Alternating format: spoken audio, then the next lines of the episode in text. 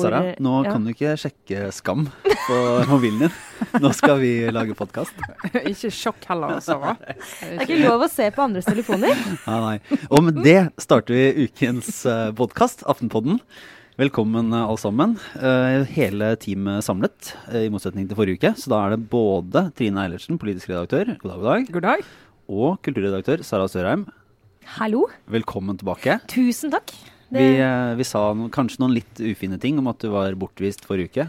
Ja, jeg hørte jo på dere. Jeg satt jo hjemme i stua og snakka til dere og eh, ønsket meg bort eh, og inn i et eh, podkaststudio. Men mm. jeg, tok en uke mammaperm, og det var som den elitefeministen jeg er, ganske frustrerende. med at jeg liker jo, jeg elsker faktisk å bestemme over folk. Ja. Det jo, og det går ikke så bra når, når, man har med barn å gjøre, for de er ikke mulig å sjefe over. Jeg er ikke så glad i å bli bestemt over? Nei. Nei. Så jeg måtte komme meg tilbake hit og komme med litt sånne sleivete meninger i øst og vest.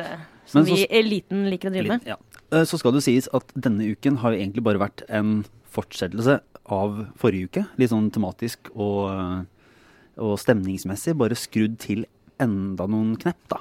Mm -hmm. så vi kommer jo ikke helt unna uh, Sylvi Listhaug og Kristoffer Joners uh, beef på, der, på, Facebook. Og Før vi går i gang med vår uh, grundige dissekering av dette, så vil jeg bare takke aktørene for at de tok den ekstrarunden, så at jeg fikk lov til å være med på dette. Fordi av alle uker hvor jeg ikke skulle være med i podkasten, så var jo da liksom blogguka. Sylvi som bloggeruka. Det var kanskje det er det bitreste, liksom. Det er det verste som hadde skjedd meg uh, nesten denne høsten. Bortsett fra selvfølgelig at verden går under og ja, litt andre sånne ting. Men, men det, nå fikk vi en mulighet til. Så yes, here we go. Thank you. Uh, og det, jo, ja, det, er jo på en måte kontrovers på kontrovers, og uh, det har nesten vært sånn overload av uh, media og metadebatt. Mm. og i det hele tatt. Men vi kan jo først starte med spørsmålet om man ble Altså den oppfatningen av denne hele saken, og, og litt sånn basis. ble vi lurt? Nei. Altså Du tenker på av Kristoffer Joner nå og ja. Facebook-posten hans. Nei, vet du, altså Hvis svaret på det er ja, da, hvis man føler seg lurt av den, da er man egentlig lurt uh, eh, 24-7 uh, eh, når det gjelder alt som skjer i den store offentlige samtalen i Norge. Fordi den er nå, om vi liker det eller ikke, i så stor grad gjennomsyra av uh, bakenforliggende agendaer. At hvis det kommer som en overraskelse at denne posten var det, så bør man ta seg en liten runde med alt annet man tror på budskap som fungerer så bra i sosiale medier som det Kristoffer Joner sitt eh, gjorde, det er nesten alltid gjennomtenkt. Det trenger ikke være et profesjonelt byrå som står bak, men det er som regel en aktør som veit akkurat hvilke knapper man skal trykke på for å få dette lik og del eh, massesuggesjonen til å fungere. Så eh, jeg følte meg ikke lurt av den kampanjen. Men jeg må innrømme at jeg tenkte heller ikke over det første gang jeg så den. At det var noe annet enn Kristoffer Joners eh, hva skal vi si for noe, skriveferdigheter og, og engasjement som lå bak. Så du, måte, du, et, du, ikke, du, føler deg ikke lurt etterpå, men du ble litt lurt da det kom? Ja, altså det gikk eh, sånn som det gjorde med så veldig mange andre, rett inn i det emosjonelle registeret mitt. Delte du? Nei. Eh, jeg syns faktisk ikke at det hadde passet seg heller, å gå inn og dele en sak. Da måtte jeg i så fall ha, ha vært eh, Hva skal jeg si? Da måtte jeg ha kunnet stå inne for det budskapet, og det, det gjør jeg faktisk ikke. Og jeg syns vel at terskelen for å like å dele det budskapet kanskje var litt lav eh, rundt omkring i offentligheten. Men det kan vi komme tilbake til. Vi kan jo først ha en runde på om dere følte dere lurt. Ja, altså jeg følte, meg, jeg følte, meg, litt lurt. Jeg leste det og um, så Kristoffer Joner eh, liksom spontant endelig liksom bryte gjennom Facebook-hemningene og si at denne saken er så viktig at nå må selv jeg på Facebook. Eh, og så skrev han dette, og så skrev han ned at han at NOAS, vil donere til NOAS og alt det der. Men det slo ikke meg at det var en kampanje. Det må jeg bare si. Og da er jeg sikkert utrolig naiv. Eh, men jeg har, jeg har liksom en sånn jeg vet ikke, jeg tror jo fremdeles at når enkeltpersoner kommer, eh, kanskje fordi vi diskuterer så veldig mye merking hos oss i disse content marketing-tider, så diskuterer vi å merke opp og ned av stolpe. Så jeg liksom tar for gitt at alle som jobber i, de, i den sfæren, tenker at hvis ikke det skal slå tilbake på oss etterpå, så må vi på en eller annen måte merke det. Og så vet jeg at Noah så han mener de merket det i den teksten. Jeg mener de ikke gjorde det. Nei, de gjorde ikke det. Altså det, det sto jo at det var et, et samarbeid med NOAS. Jeg mener at det var ganske tydelig at det her var eh, litt mer som lå bak. Altså det kom ikke rett fra sofaen. Han hadde eh, kontakta dem og lagd eh, materiell og sånn. Men, eh, men, jeg er enig i at eh, akkurat Og det, det, det slo ikke meg at det var såpass såpass profesjonelt at det var Anorak som sto bak. Det er for øvrig et veldig interessant byrå. Det de jobber med som altså Jeg vet ikke hva jeg skal kalle det engang, for det er en sånn blanding av PR-byrå og reklamebyrå. Sånn skikkelig sånn moderne tider-sammensurium. Men det de driver med, er såkalt influensing. Og det er jo at de får f.eks. kjendiser til å umerkelig mm. eh, promotere en merkevare gjennom å, å bruke klær osv. At de var bak, det var kanskje i overkant eh, regissert, da. Eh, det, og det burde de virkelig ha skrevet i den posten. Da hadde de sluppet hele den backlashen som kom dagen etter. Det var litt fascinerende, fordi jeg merker jo at jeg har en jeg har, jeg har, god forståelse for at folk blir lurt, men jeg satt jo på, på vakt og var, var nyhetssjef da på den kvelden, og, og, så det og fikk det innspilt, og jeg var sånn Å ja, men ja, ok, det er en kampanje. Uh, ja, du så ikke at det var noen nyhet engang at det var en kampanje? på en måte? Nei, jeg, jeg tenkte litt at uh, ja, OK, Kristoffer Jone Hiver det, liksom, det, Dette var, en, det var liksom, NOAS har en kampanje. I seg selv så er ikke det noe å skrive om. Uh, og jeg tok det så for gitt. Og så så man jo at den ble jo den gikk jo så, så den ble så mye delt at det ble et fenomen i seg selv. Og da mener jeg at det er riktig å skrive om det. Men jeg ser at min oppfatning var såpass annerledes enn det mange andre hadde at det, slett, det på en måte ble egentlig en svekkelse for vår dekning. da, Fordi jeg tok det så for gitt at alle så at dette ikke var bare et personlig mm. initiativ, mm. men en profesjonell uh, del av, et, uh, en påvirkningsarbeid. da. Uh, så det gjorde nok at vi kanskje var mindre tydelige enn det vi burde vært, og mindre aggressive enn det vi burde vært på å dokumentere og vise fram at det ikke var Kristoffer Joners personlige mening. Og vi mm. fikk jo ganske tidlig tips om at dette ja, det var et samarbeid med et reklamebyrå. Men fordi jeg så, på det som så uh, åpenbart en kampanje, så var det på en måte Ja ja, men NOAS er jo med på dette. Det er jo ingen som, dette er jo ikke noe noen uh, finner på, på på eget rom. Men det interessante er jo at det, det er det som gjør det litt vanskelig på en måte å Det er ikke noe fasit her, fordi det er jo Kristoffer Joners sin personlige mening. Jeg, altså, han, han, mener sannsynligvis alt som står der. Eh, det er bare at han har fått hjelp til uh, utformingen. Eh, og så er det ikke sikkert at ideen kom fra Kristoffer Joner. Hvis jeg har skjønt det riktig, så var det en i Anorak som visste at Joner var enig i dette, og, og foreslo å lage kampanjen.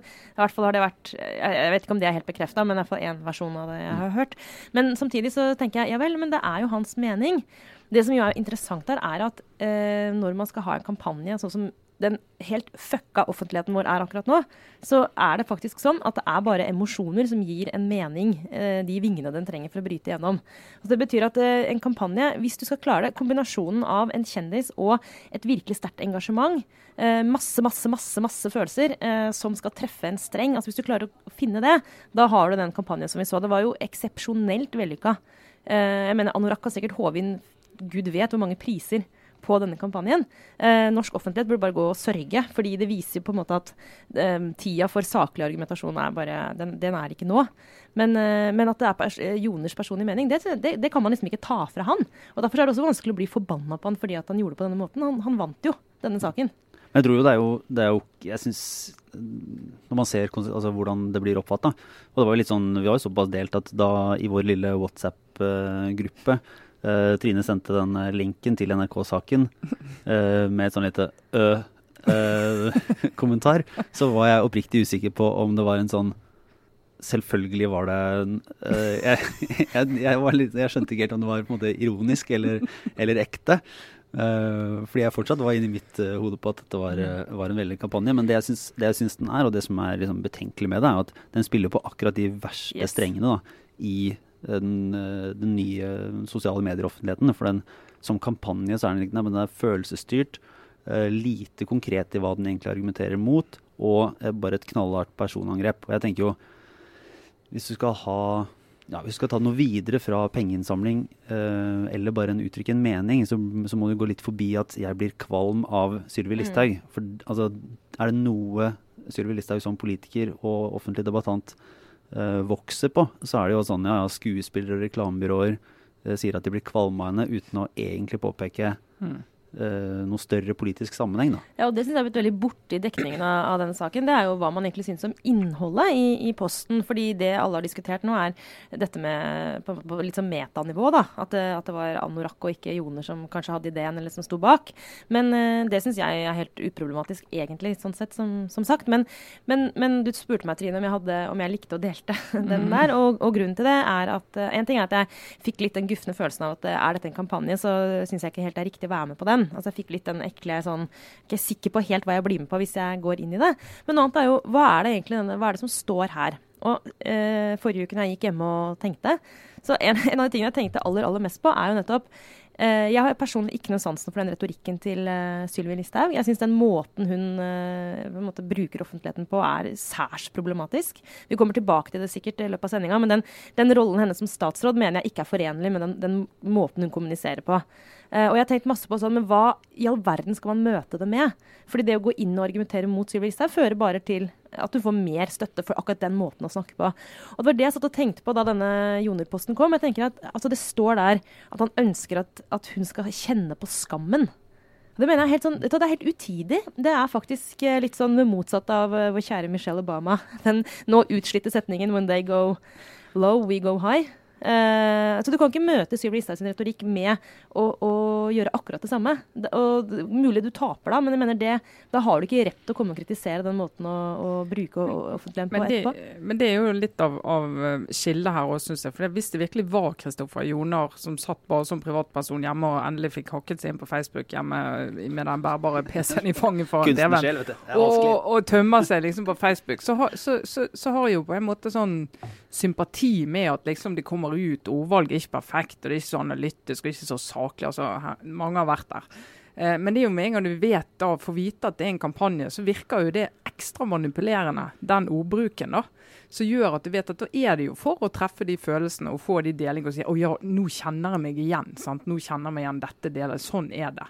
Og så, så var det en som eh, kommenterte dagen etterpå at det, her, det, ikke, det, kan jo være Frp som har finansiert den kampanjen. For det her er jo gull for Sylvi Listhaug, som har hatt en sånn snart når jeg 100 000 følgere på Facebook. Og det gjorde jo hun da i løpet av 20 minutter. Mm. Og da har hun en kanal som hun kan bruke gjennom valgkampen på måter som jeg ikke tror vi har sett rekkevidden av i det hele tatt enda.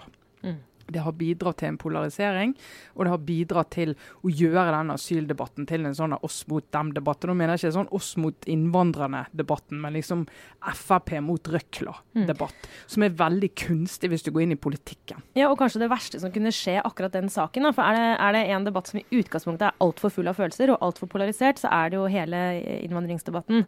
Og nå har den bare for alvor tatt skrittet over å bli en slags sånn, hva skal vi kalle for en slags sånn punching bag, hvor man, som man bruker som en sånn markør av hvor man står politisk, og ikke verdier man har. Mm. Uh, men det er jo ingen som diskuterer sak. Og den, den altså, innvandring og inkluderings... Hele dette politiske området er superutfordrende. Og det krever virkelig at, at, av oss som samfunn og av våre politikere at vi liksom virkelig hardt prøver å få til de beste løsningene.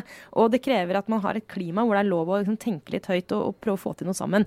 Det er bare, ja, Lykke til med det. Denne debatten har liksom bare eh, kanskje liksom vært sånn eh, nådestøtet for i hvert fall med denne regjeringen at man skal få en fornuftig innvandringsdebatt eh, i Norge. Er helt, nå er det helt sjanseløst. Og det mener jeg at er først og fremst Sylvi Listhaug sin feil. Eh, det, det, det, må hun ta, rett og slett, den skylda.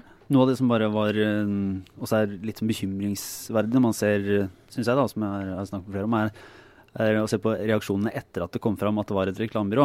Mm. Um, og mange føler seg lurt. Og så får du egentlig Det er akkurat de samme folka som er altså som er, de som er mot Sylvi Listhaug, de sier at uh, nei, nei, det var ingen som ble lurt, det her er helt greit. Mm -hmm. Og de som er for Sylvi Listhaug, sier at dette er svindel. Og så er det ingen som egentlig um, på en måte beveger seg ut fra sin gjeng for å analysere situasjonen. Det syns jeg er nesten litt sånn skuffende. Ja, for det blir litt det blir litt sånn, sånn desillusjonert av ja. det. For jeg tenker, Tenk hvis noen som virkelig var enig med Kristoffer Joner, virkelig sånn ordentlig kunne si at uh, ja, jeg, jeg, jeg, føler det samme som han, men nå føler jeg meg lurt. Dette var, mm. var helt på jord. Men, men så, Dagbladet hadde en leder i går der de, de gratulerte Noah som en flott kampanje. og hvor de har formuleringen i lederen at eh, mange altså, samfunnstopper, eller hva de kaller det, altså folk der ute, eh, later som om de ja trodde at dette var en kampanje. Underforstått altså de, Vi, da, jeg må jo si vi, som, eh, som lot oss lure dette.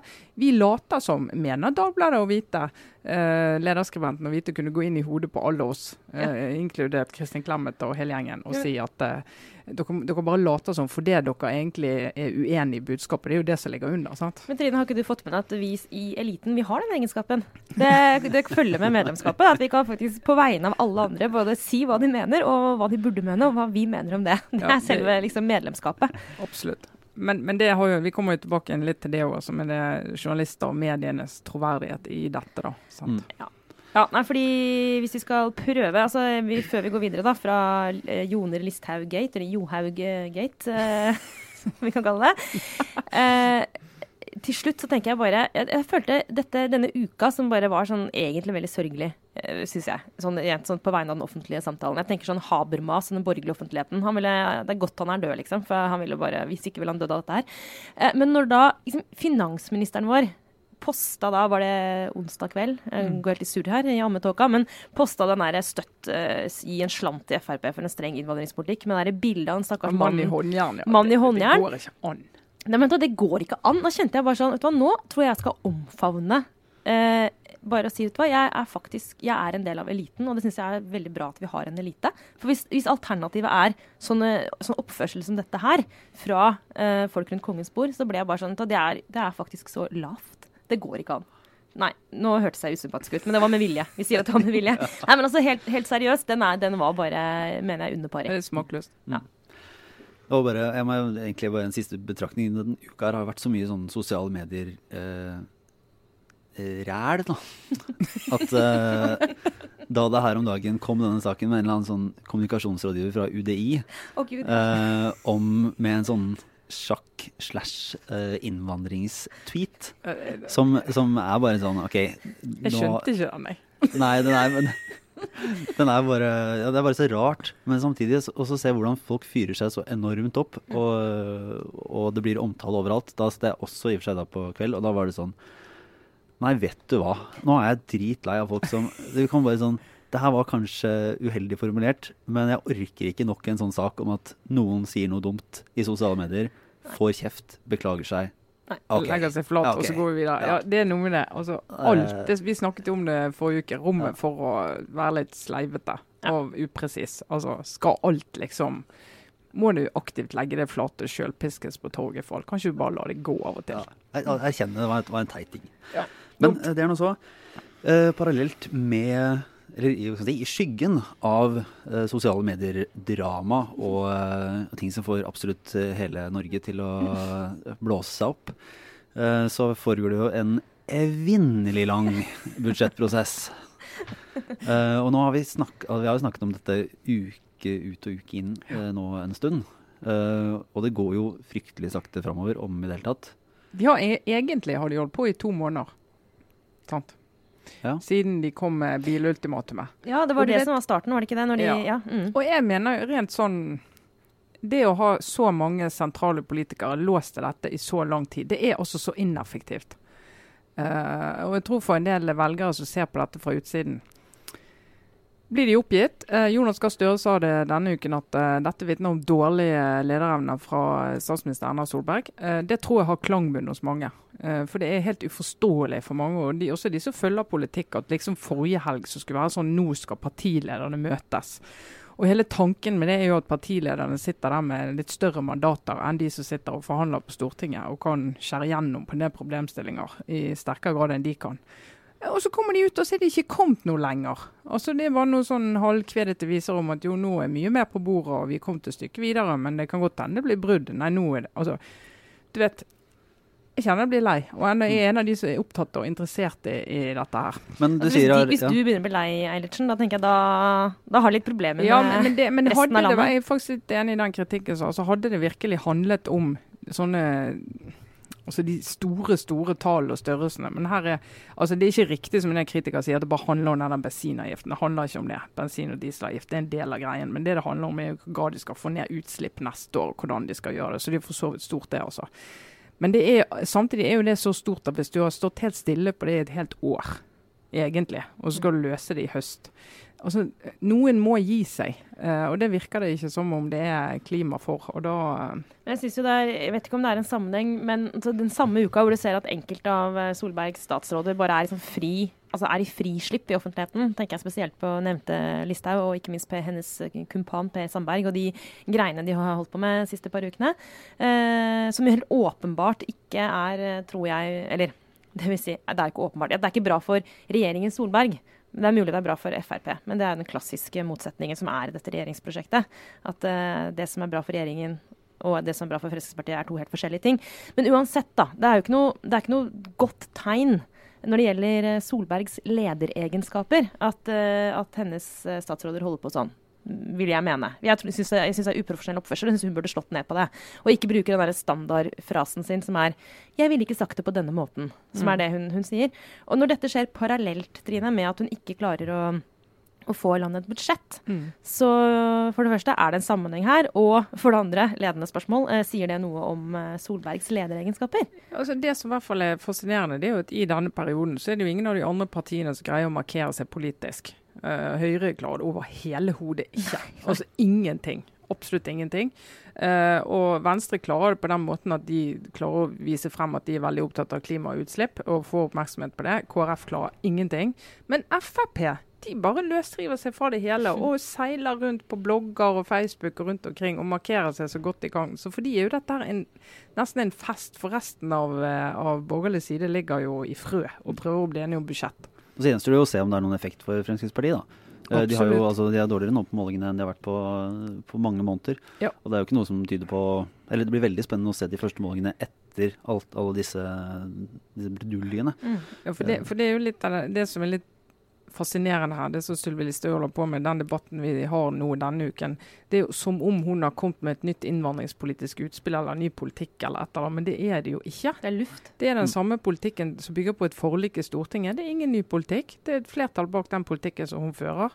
Men hun bruker en retorikk for å blåse liv i denne diskusjonen. Hun bruker en plattform for å blåse liv i den diskusjonen. for det Frp tjener jo på at vi har den debatten. Så selv om det er en luftdebatt, så klarer, vi, nå blir det spennende å se om, om, de klarer å innkassere noe på det på målingene. og I så fall er jo det tankevekkende. Mm. Så jeg, synes Det blir fascinerende å se også noe av kontrasten som har vært bygd opp mellom Jens Stoltenberg og Erna Solberg, er jo at uh, Erna Solberg har vært liksom flinkere til å, til å, la samarbeidspartiene uttrykke sine meninger, og der Jens Stoltenberg var mer opptatt av liksom én felles uh, beskjed ut til folket, og her skal vi være enige og skal få liksom, kjempe fram en, en felles front, så har jo Erna Solberg fått ros for å være rausere med samarbeidspartiene sine. Uh, men nå får de virkelig ildprøven på om den rausheten betaler seg, eller om det etter hvert utvikler seg sånn at samarbeidspartiene måte, spinner mer og mer ut i separate baner, da, mm. og, og, ikke klarer å finne sammen igjen. Mm. Fordi du ser jo nå, samtidig med budsjettkampen, at du får andre veldig veldig polariserende debatter mellom, mellom sentrumspartiene og Fremskrittspartiet. Så blir det jo vanskeligere og vanskeligere å skulle stå sammen igjen. og å være et felles prosjekt og felles budsjett. Endelig kunne Eivind Tredal, som jo er Ja, hva er han egentlig? Rådgiver for Miljøpartiet De Grønne? Bystyre. Ja, bystyremedlem. Ja. Uansett, eh, kanskje Norges mest aktive person på sosiale medier. Eh, I går så skrev han For en gangs skyld så hadde han liksom helt rett, for han skrev sånn Dette, mine damer og herrer, dette er borgerlig kaos. Man tenker at nå har, eh, nå har denne regjeringens kritikere snakka om borgerlig kaos i decades, men dette er faktisk borgerlig kaos. Og jeg syns også Vårt Land hadde en interessant sak i går, og oppslag i Vårt Land i går, hvor de eh, diskuterte litt om man også parallelt med alt dette ser at eh, Trump eh, og høyrepopulismen, som jo skyller over eh, vestlige verden, skaper en sånn ny dynamikk på høyresiden som også nå begynner å synes i norsk politikk. Eh, som, som, er en slags mye sterkere skille mellom de, de klassiske hva skal vi kalle dem, de klassiske verdikonservative eh, høyrefolka på Frogner, liksom. De som drikker eh, ganske dyr chablis og, og, tenker at verden er et fint sted, la oss prøve å fortsette å ha, den, ha det sånn. Enkelt fortalt. Og, og, og eh, høyrepopulistene, som jo spiller på helt andre strenger i, i, i folket, eh, og som nå tilhører på en måte Nå er det, det er deres tid. Eh, de får hjelp av bl.a. oss og sosiale medier og alle de tingene vi har snakka om tidligere nå i sendinga. Og surfe på en sånn medgangsbølge. Det skaper også faktisk kanskje en ny spenning helt inn i det norske regjeringsprosjektet. Fordi det er faktisk ekstremt stor avstand mellom, i hvert fall retorisk, mellom f.eks. Sylvi Listhaug og Per Sandberg og eh, ja, en Erna Solberg, Torbjørn Røe Isaksen, eh, Vidar Helgesen. Eh, altså de mm, sånn sentrale Men det er jo ingen tvil om hvem som er mest høylytt. Ingen tvil. Men, det er Vidar Helgesen. Ja. Men jeg, jeg, jeg, merker jeg er jo spent nå. Det fins jo, De driver fortsatt og dissekerer det amerikanske valget. Men, eh, men, det er jo egentlig to muligheter nå med tanke på disse sosiale mediene. På om de hendelsene på sosiale medier er å regne som faktiske hendelser som har en påvirkning. Altså at det er en, ok, Når noen sier noe på et sosialt medie, så, så er det som å, ja, så er det en aktiv handling. da eller om sosiale medier er i ferd med å bli en, sånn, en støy. Sånn som du ser at ja, ok, så Donald Trump tvitrer og tvitrer, og det er masse debatt om uh, ord og, uh, og, sånt uh, ordkløveri og, og, fordømmelse og alt mulig rart. Og så sitter egentlig velgerne på bakken og er litt sånn Ja, OK, det som foregår på Twitter og Facebook, det driter vi Vi ser på hvem som har lovt uh, arbeidsplasser tilbake til uh, rustbelter, liksom.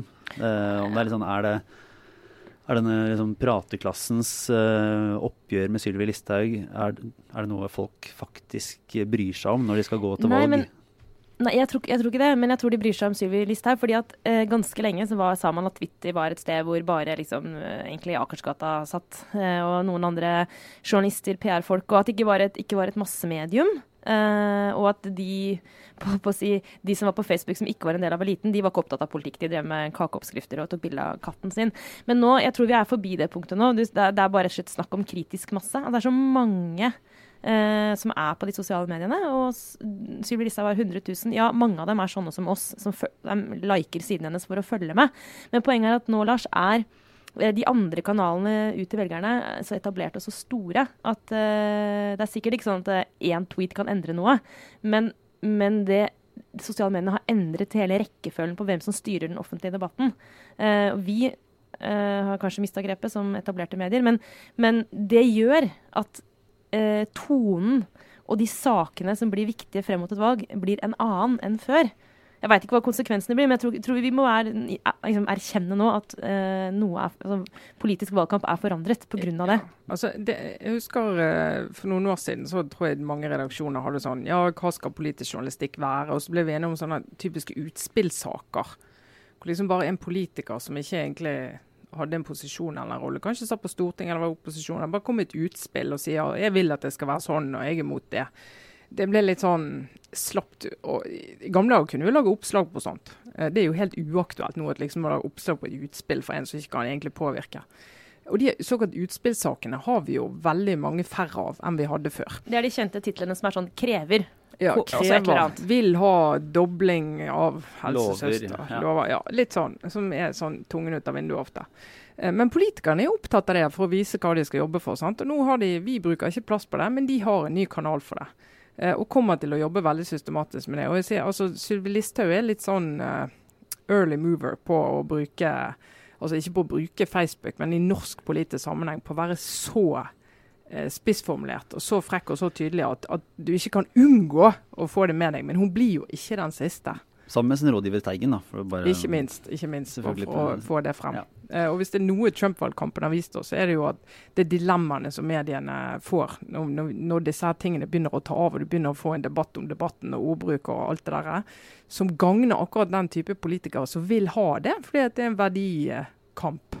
Det er ikke nødvendigvis en sakskamp. Eh, så, så, står vi der. Skal vi sette fire journalister på det, eller skal vi sette fire journalister som går inn og finner ut av hva som faktisk skjer i norsk asylpolitikk? Ja, der har du lest en interessant eh, Der begynner jo nå liksom, forskningen og rapportene fra hva som skjedde i den amerikanske valgkampen nå å komme. Det kommer til å komme mange ting i årene fremover som uh, analyserer hva som egentlig skjedde da Trump ble president. Men, uh, men det er klart det, det Eh, jeg tror ikke uansett hvordan man vrir og vender på det, at mediedekningen i den valgkampen kommer til å komme seirende ut sånn i ettertid. Som eh, Ja. Det, det, var en, det, var ikke en, god medievalgkamp, eh, tror jeg man kanskje allerede nå kan konkludere med. Uff. Uff. Nei, altså Det er an på, an på, tror jeg, hvor du ser. Altså, for Jeg mener jo faktisk at hvis du går inn og ser på mediene i seg, uh, og ser bl.a. Uh, en, uh, en journalist i Toronto Star, Daniel Dale, dette her står i The Guardian, som samarbeider med, med, Columbia Journalism Review. Egentlig min obligatoriske refleksjon i dag, for dette må vi reflektere mye over, gutter og jenter. Ja, men vi er kanskje kan Gå rett, gå rett inn i det. Ja. Uh, og Han uh, satt jo der og fant ut at han skulle faktasjekke alle påstandene som Donald Trump kom med i valgkampen. Uh, han fant 520 påstander som han drev og gjentok rundt omkring. Opp til 20 om dagen, så, var, så han kunne på en måte påvise, belegge, begrunne, var direkte feil. Uh, og drev den type journalistisk arbeid. The Guardian hadde sin uh, Trumps Lies-serie, uh, og New York Times holdt på med sitt, og Washington Post hadde Pussygate. og alle holdt på med, altså I USA også holdt på med mye ting, men den type saker hadde ikke gjennomslag. Mm. Altså mer enn hos en egentlig relativt lite publikum.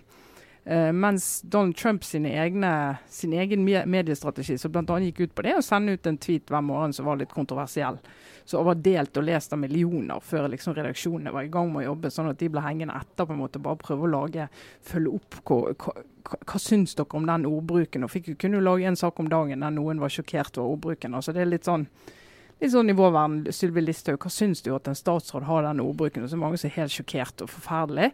Uh, men de der ute som hun snakker til, de er jo ikke en del av den debatten og bryr seg veldig liten grad om den. Og da sitter vi som media litt sånn Hva er vår rolle i dette mediebildet? skal vi slutte med faktasjekk og gå inn ordentlig i journalistikk, altså i saken og politikken og se, for det klarer ikke noe gjennom den type lydbilder? Eller skal vi bruke enda mer ressurser på det og ignorere mer av det? Og si at den sosiale medievirkeligheten lever på siden av det vi holder på med. Vi kan jo ikke gjøre det heller. sant?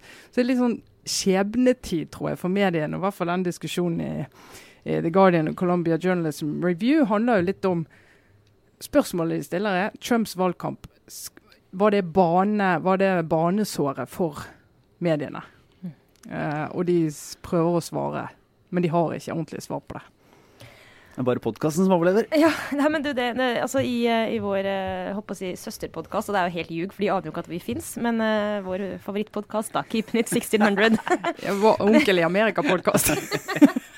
Men jeg har jo som dere vet et helt ekstremt crush på, på den podkasten. Hvordan går det med dem nå etter valget, vil du si? Nei, nå, altså Dette er jo Obamas tidligere nær, nærmeste medarbeidere, bl.a. taleskriveren hans John Favreau, som jo fr fram til valget var veldig høye og mørke. Nå, nei, De er veldig sånn puslete og, og, triste, eh, men de prøver å holde på en sånn fasade av arroganse. Men de, er liksom, de har fått et banesår. De kommer seg nok kjapt opp igjen. Det har vært noen labre uker nå på, på poden der. Men, men han, John Favreau han, han sa, det gledet jo mitt hjerte, at Uansett, folkens, sa han, selv om dere er sure også på New York Times og Washington Post for uh, at de hadde denne falske balansen i valgkampen, og at de ga altfor mye plass til Trump og ikke dekka saker osv., osv. Egentlig de tingene du har vært inne på, Trine. Det var ikke noen kanskje veldig god valgkamp heller fra deres side, sånn sett. Men de prøvde i alle fall å drive grundig og saklig og, og granskende undersøkende journalistikk. Eh, prøvde å gå inn i Trumps forretningsimperium osv. Og, så og, og han sa at eh, hvis du nå ønsker å gjøre en forskjell, så gå inn på nettet og kjøp et abonnement på en skikkelig avis. Mm. Eh, det er vår siste skanse. Og jeg holdt på å begynne å grine. Sant? Jeg gikk der med ungene og bare Å, herregud. Og, og så googlet hvordan han så ut, og bare Han er enda kjekkere i virkeligheten enn han høres ut som. Så, sånn sett så kanskje jeg er litt uh, biased. Men, men, innholdsmessig, han har jo faktisk et poeng, og dette er skamløs uh, selvskryt, men, men helt, helt, alvorlig. Så, så, så, må folk, folk må faktisk være med å finansiere journalistikk, i den grad vi skal ha det fremover. Hva? Som er noe annet enn disse fucking sosiale mediene. Da... Var, dette, var, dette, var dette bevisst bro til vårt lille abonnementsprosjekt? Nei, men det Det kan det godt være. Det godt være. Men, men, da må vi også love at vi gir noe annet enn det du får på sosiale medier. Ja. Altså, vi må gi annen, en annen type, en annen type innhold enn det ja. du kan finne ut ved å gå scrolle Facebook-filmen. Ja. og hvis vi henfaller til lik og del-journalistikk, så er ikke vi noe bedre i det hele tatt. Nei, jeg merker at jeg, hadde, jeg, var liksom, jeg er ikke skamløs nok til å bare gå rett videre på. Fordi vi har eh, på vårt lille prosjekt, fordi vi har rett og slett nå organisert det sånn at uh, lyttere av Aftenpodden kan gjerne gå inn på aftenposten.no slash podden Uh, og få et spesielt sånn uh, eget lyttertilbud på abonnement ja. på Aftenpostens digitale og papirflater. Ja. Aftenposten.no slash podden. Så får vi se om det, om det er noen som, som lytter som kan la seg overbevise. Da, da, en, da, vil vi ha et økonomisk ben å stå på og finansiere videre podkasting. For en perfekt bro jeg lagde der. Jeg hadde helt glemt den kampanjen. Ja, men ja. det var strålende. Ja, gjør det. Ja. Uh, og så kan jeg ta min obligatoriske refleksjon uh, inn i dette. En ganske kort en, egentlig. Uh, det er jo da Black Friday, som er et frastøtende konsept. Ja, Det er helt grusomt. Rett og slett. Er, jeg, jeg, fortrenger at det har kommet til Norge. Helt, Halloween kan jeg ta, men Black Friday det Nei. Nei, og da, i, det var egentlig I den anledning så dukka det opp på Facebook her uh, en, uh, en, henvisning til en TED-talk, som jeg da brukte litt tid på å se, ikke så mange minuttene, om en undersøkelse om lykke. Og det er da en, uh, en undersøkelse som har vart, et forskningsprosjekt som har vart i 75 år. der de koblet seg på omtrent 700 unge menn fra slutten av 30-tallet.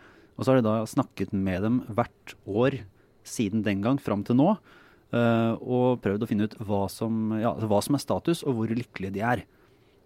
Og da har de jo kommet fram til en del ganske ja, på en måte oppløftende, eller, i og for seg eh, skumle funn. da, for det, for det, krever jo litt med hva som gjør at folk blir lykkelige. Og, og som i dag så mente ungdommen på, på 30-tallet at uh, både penger og velstand var uh, en nøkkel. Uh, men det viser seg jo da at det egentlig er en del mer sånn menneskelig kontakt og gode relasjoner da, som, er, som er avgjørende.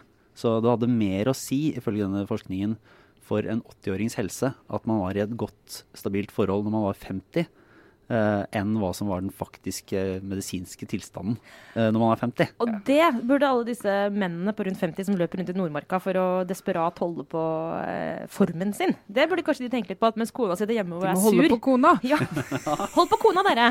Så er det, det, det er, lønner seg i lengden. Dropp jogginga og bare være litt Men, men det er jo et vippepunkt her, da. For det er jo jeg, jeg, tror vi som har levd en stund, må kunne si at penger ikke lykken til alt. Selv om vi ikke hatt altfor mye av det. Men, eh, men, det er jo hvis du har altfor lite penger, altfor lite velstand, så selv om du har en god relasjon, så sliter det veldig på den relasjonen. fordi det blir en det blir en veldig sånn press på hele familielivet og dagliglivet hvis du hele tiden må kjempe for at uh, endene skal møtes. og uh, at økonomien er så anstrengt. Så det er jo en påkjenning for et forhold. Så du må ha et visst velstandsnivå før du kan liksom ja, ja, helt, helt, ta økonomisk faktoren ut av det å ha et lykkelig liv. Da. Jeg tror nok det er en vedvarende sannhet at det er bedre å ha en del bedre penger enn å ikke, tynn, ikke ha det. ja. Fattig og tjukk. Ja. Men uansett, vi legger den ut på eh, den lille Facebook-siden vår, ja. så kan man se det og gjøre seg opp en mening. Du ser på meg? Ja. Jeg har så mye obligatorisk refleksjon. Altså, jeg har jo gått rundt eh, Herregud, jeg har helt orddiaré etter to uker med, alene med baby. Så, eh, men det jeg får gjort, er jo at jeg har sett masse på TV og jeg har vært mye på internett. Og jeg, ikke, jeg, må, jeg har valgt ut én. Men kan jeg få lov til å bare si hva de andre er? Ja, det kan du. Ja. Eh, det er 40 år siden The Last Waltz ble spilt inn i dag. Verdens beste musikkfilm. Herregud, The Band sin Last Walls'. Se den i kveld, alle sammen. Så har Karl Ove Knausgård skilt seg, eh, og det er så mind-blowing. Eh, så det kan jeg ikke begynne å snakke om, men det setter denne virkelighetsdebatten i et enda mer helt sinnssykt grelt lys. Så jeg tenker litt på Linda. Eh, og så er det sjakk-VM, som gjør at jeg ikke har sovet noen ting. Som jeg håper ikke lytterne merker altfor godt. Men det er fantastisk. Jeg elsker sjakk. Og jeg elsker Torstein Bae, som er kommentator. Men drit i alt det, fordi det viktigste som jeg skal reflektere over i helgen, det er jo at Tony Blair er tilbake i britisk politikk. Yes. Uh, det var jo det var en nyhet. En slags Jesu tilbakekomst i det sørheimske hjem. Kristus er oppstanden. Men hva skal han gjøre på? Han skal kjempe imot ga galmannen Corbyn og the, the weak, weak, weak uh, Theresa May. Nei, altså han skal jo gjøre det som er litt sånn irriterende. Det, det, må jeg si. Han skal starte et senter. Og det er litt sånn Bondevik, Bondevik sånn, ja. Å starte et senter mener jeg er sånn, det er feigt, altså. For heller starte et parti, da. Men uansett, han, eh, han skal komme tilbake til eh, detaljene. Men han skal starte et senter. En, Tenketank? Nei, det var liksom en politisk De skulle jobbe konkret med politikk. De skal gå inn og prøve å blåse nytt liv inn i, i sentrum venstre, eh, som han mener ligger død. Eh, og det gjør det jo på grunn av han. Eh, man har knytta til seg en del folk, bl.a. Uh, ja, en del folk som jeg ikke orker å si navnet på engang, fordi de er så hata i britisk offentlighet. Men, men, det blir jo en tung vei for Blair. Men jeg er genuint så glad for det. Jeg mener virkelig helt alvorlig. Dette er det UK trenger. Ja. ja. Altså, vi trenger, vi trenger solide sentrum-venstre-politikere som skal kjempe mot populismen i europeisk politikk nå. Om de så er gjenfeid fra graven, liksom. Kom, kom igjen. Ja. Og det betyr også Jens Altmark, kom deg hjem! Drit i Nato, liksom. Vi trenger jo ikke han i Norge, vi har jo den nye alliansen mot EØS.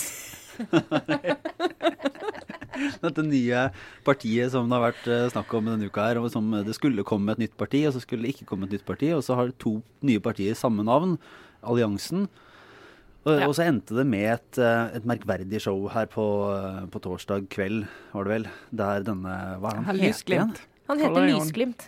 Men jeg husker ikke resten, men jeg husker Lysglimt. Han har, Mellomnavnet hans er Lysglimt. Det er ikke noe vits å tenke på de to andre navnene, fordi Alle vet hvem Lysglimt er. Det er han ja. som liker Trump i Norge. Ja.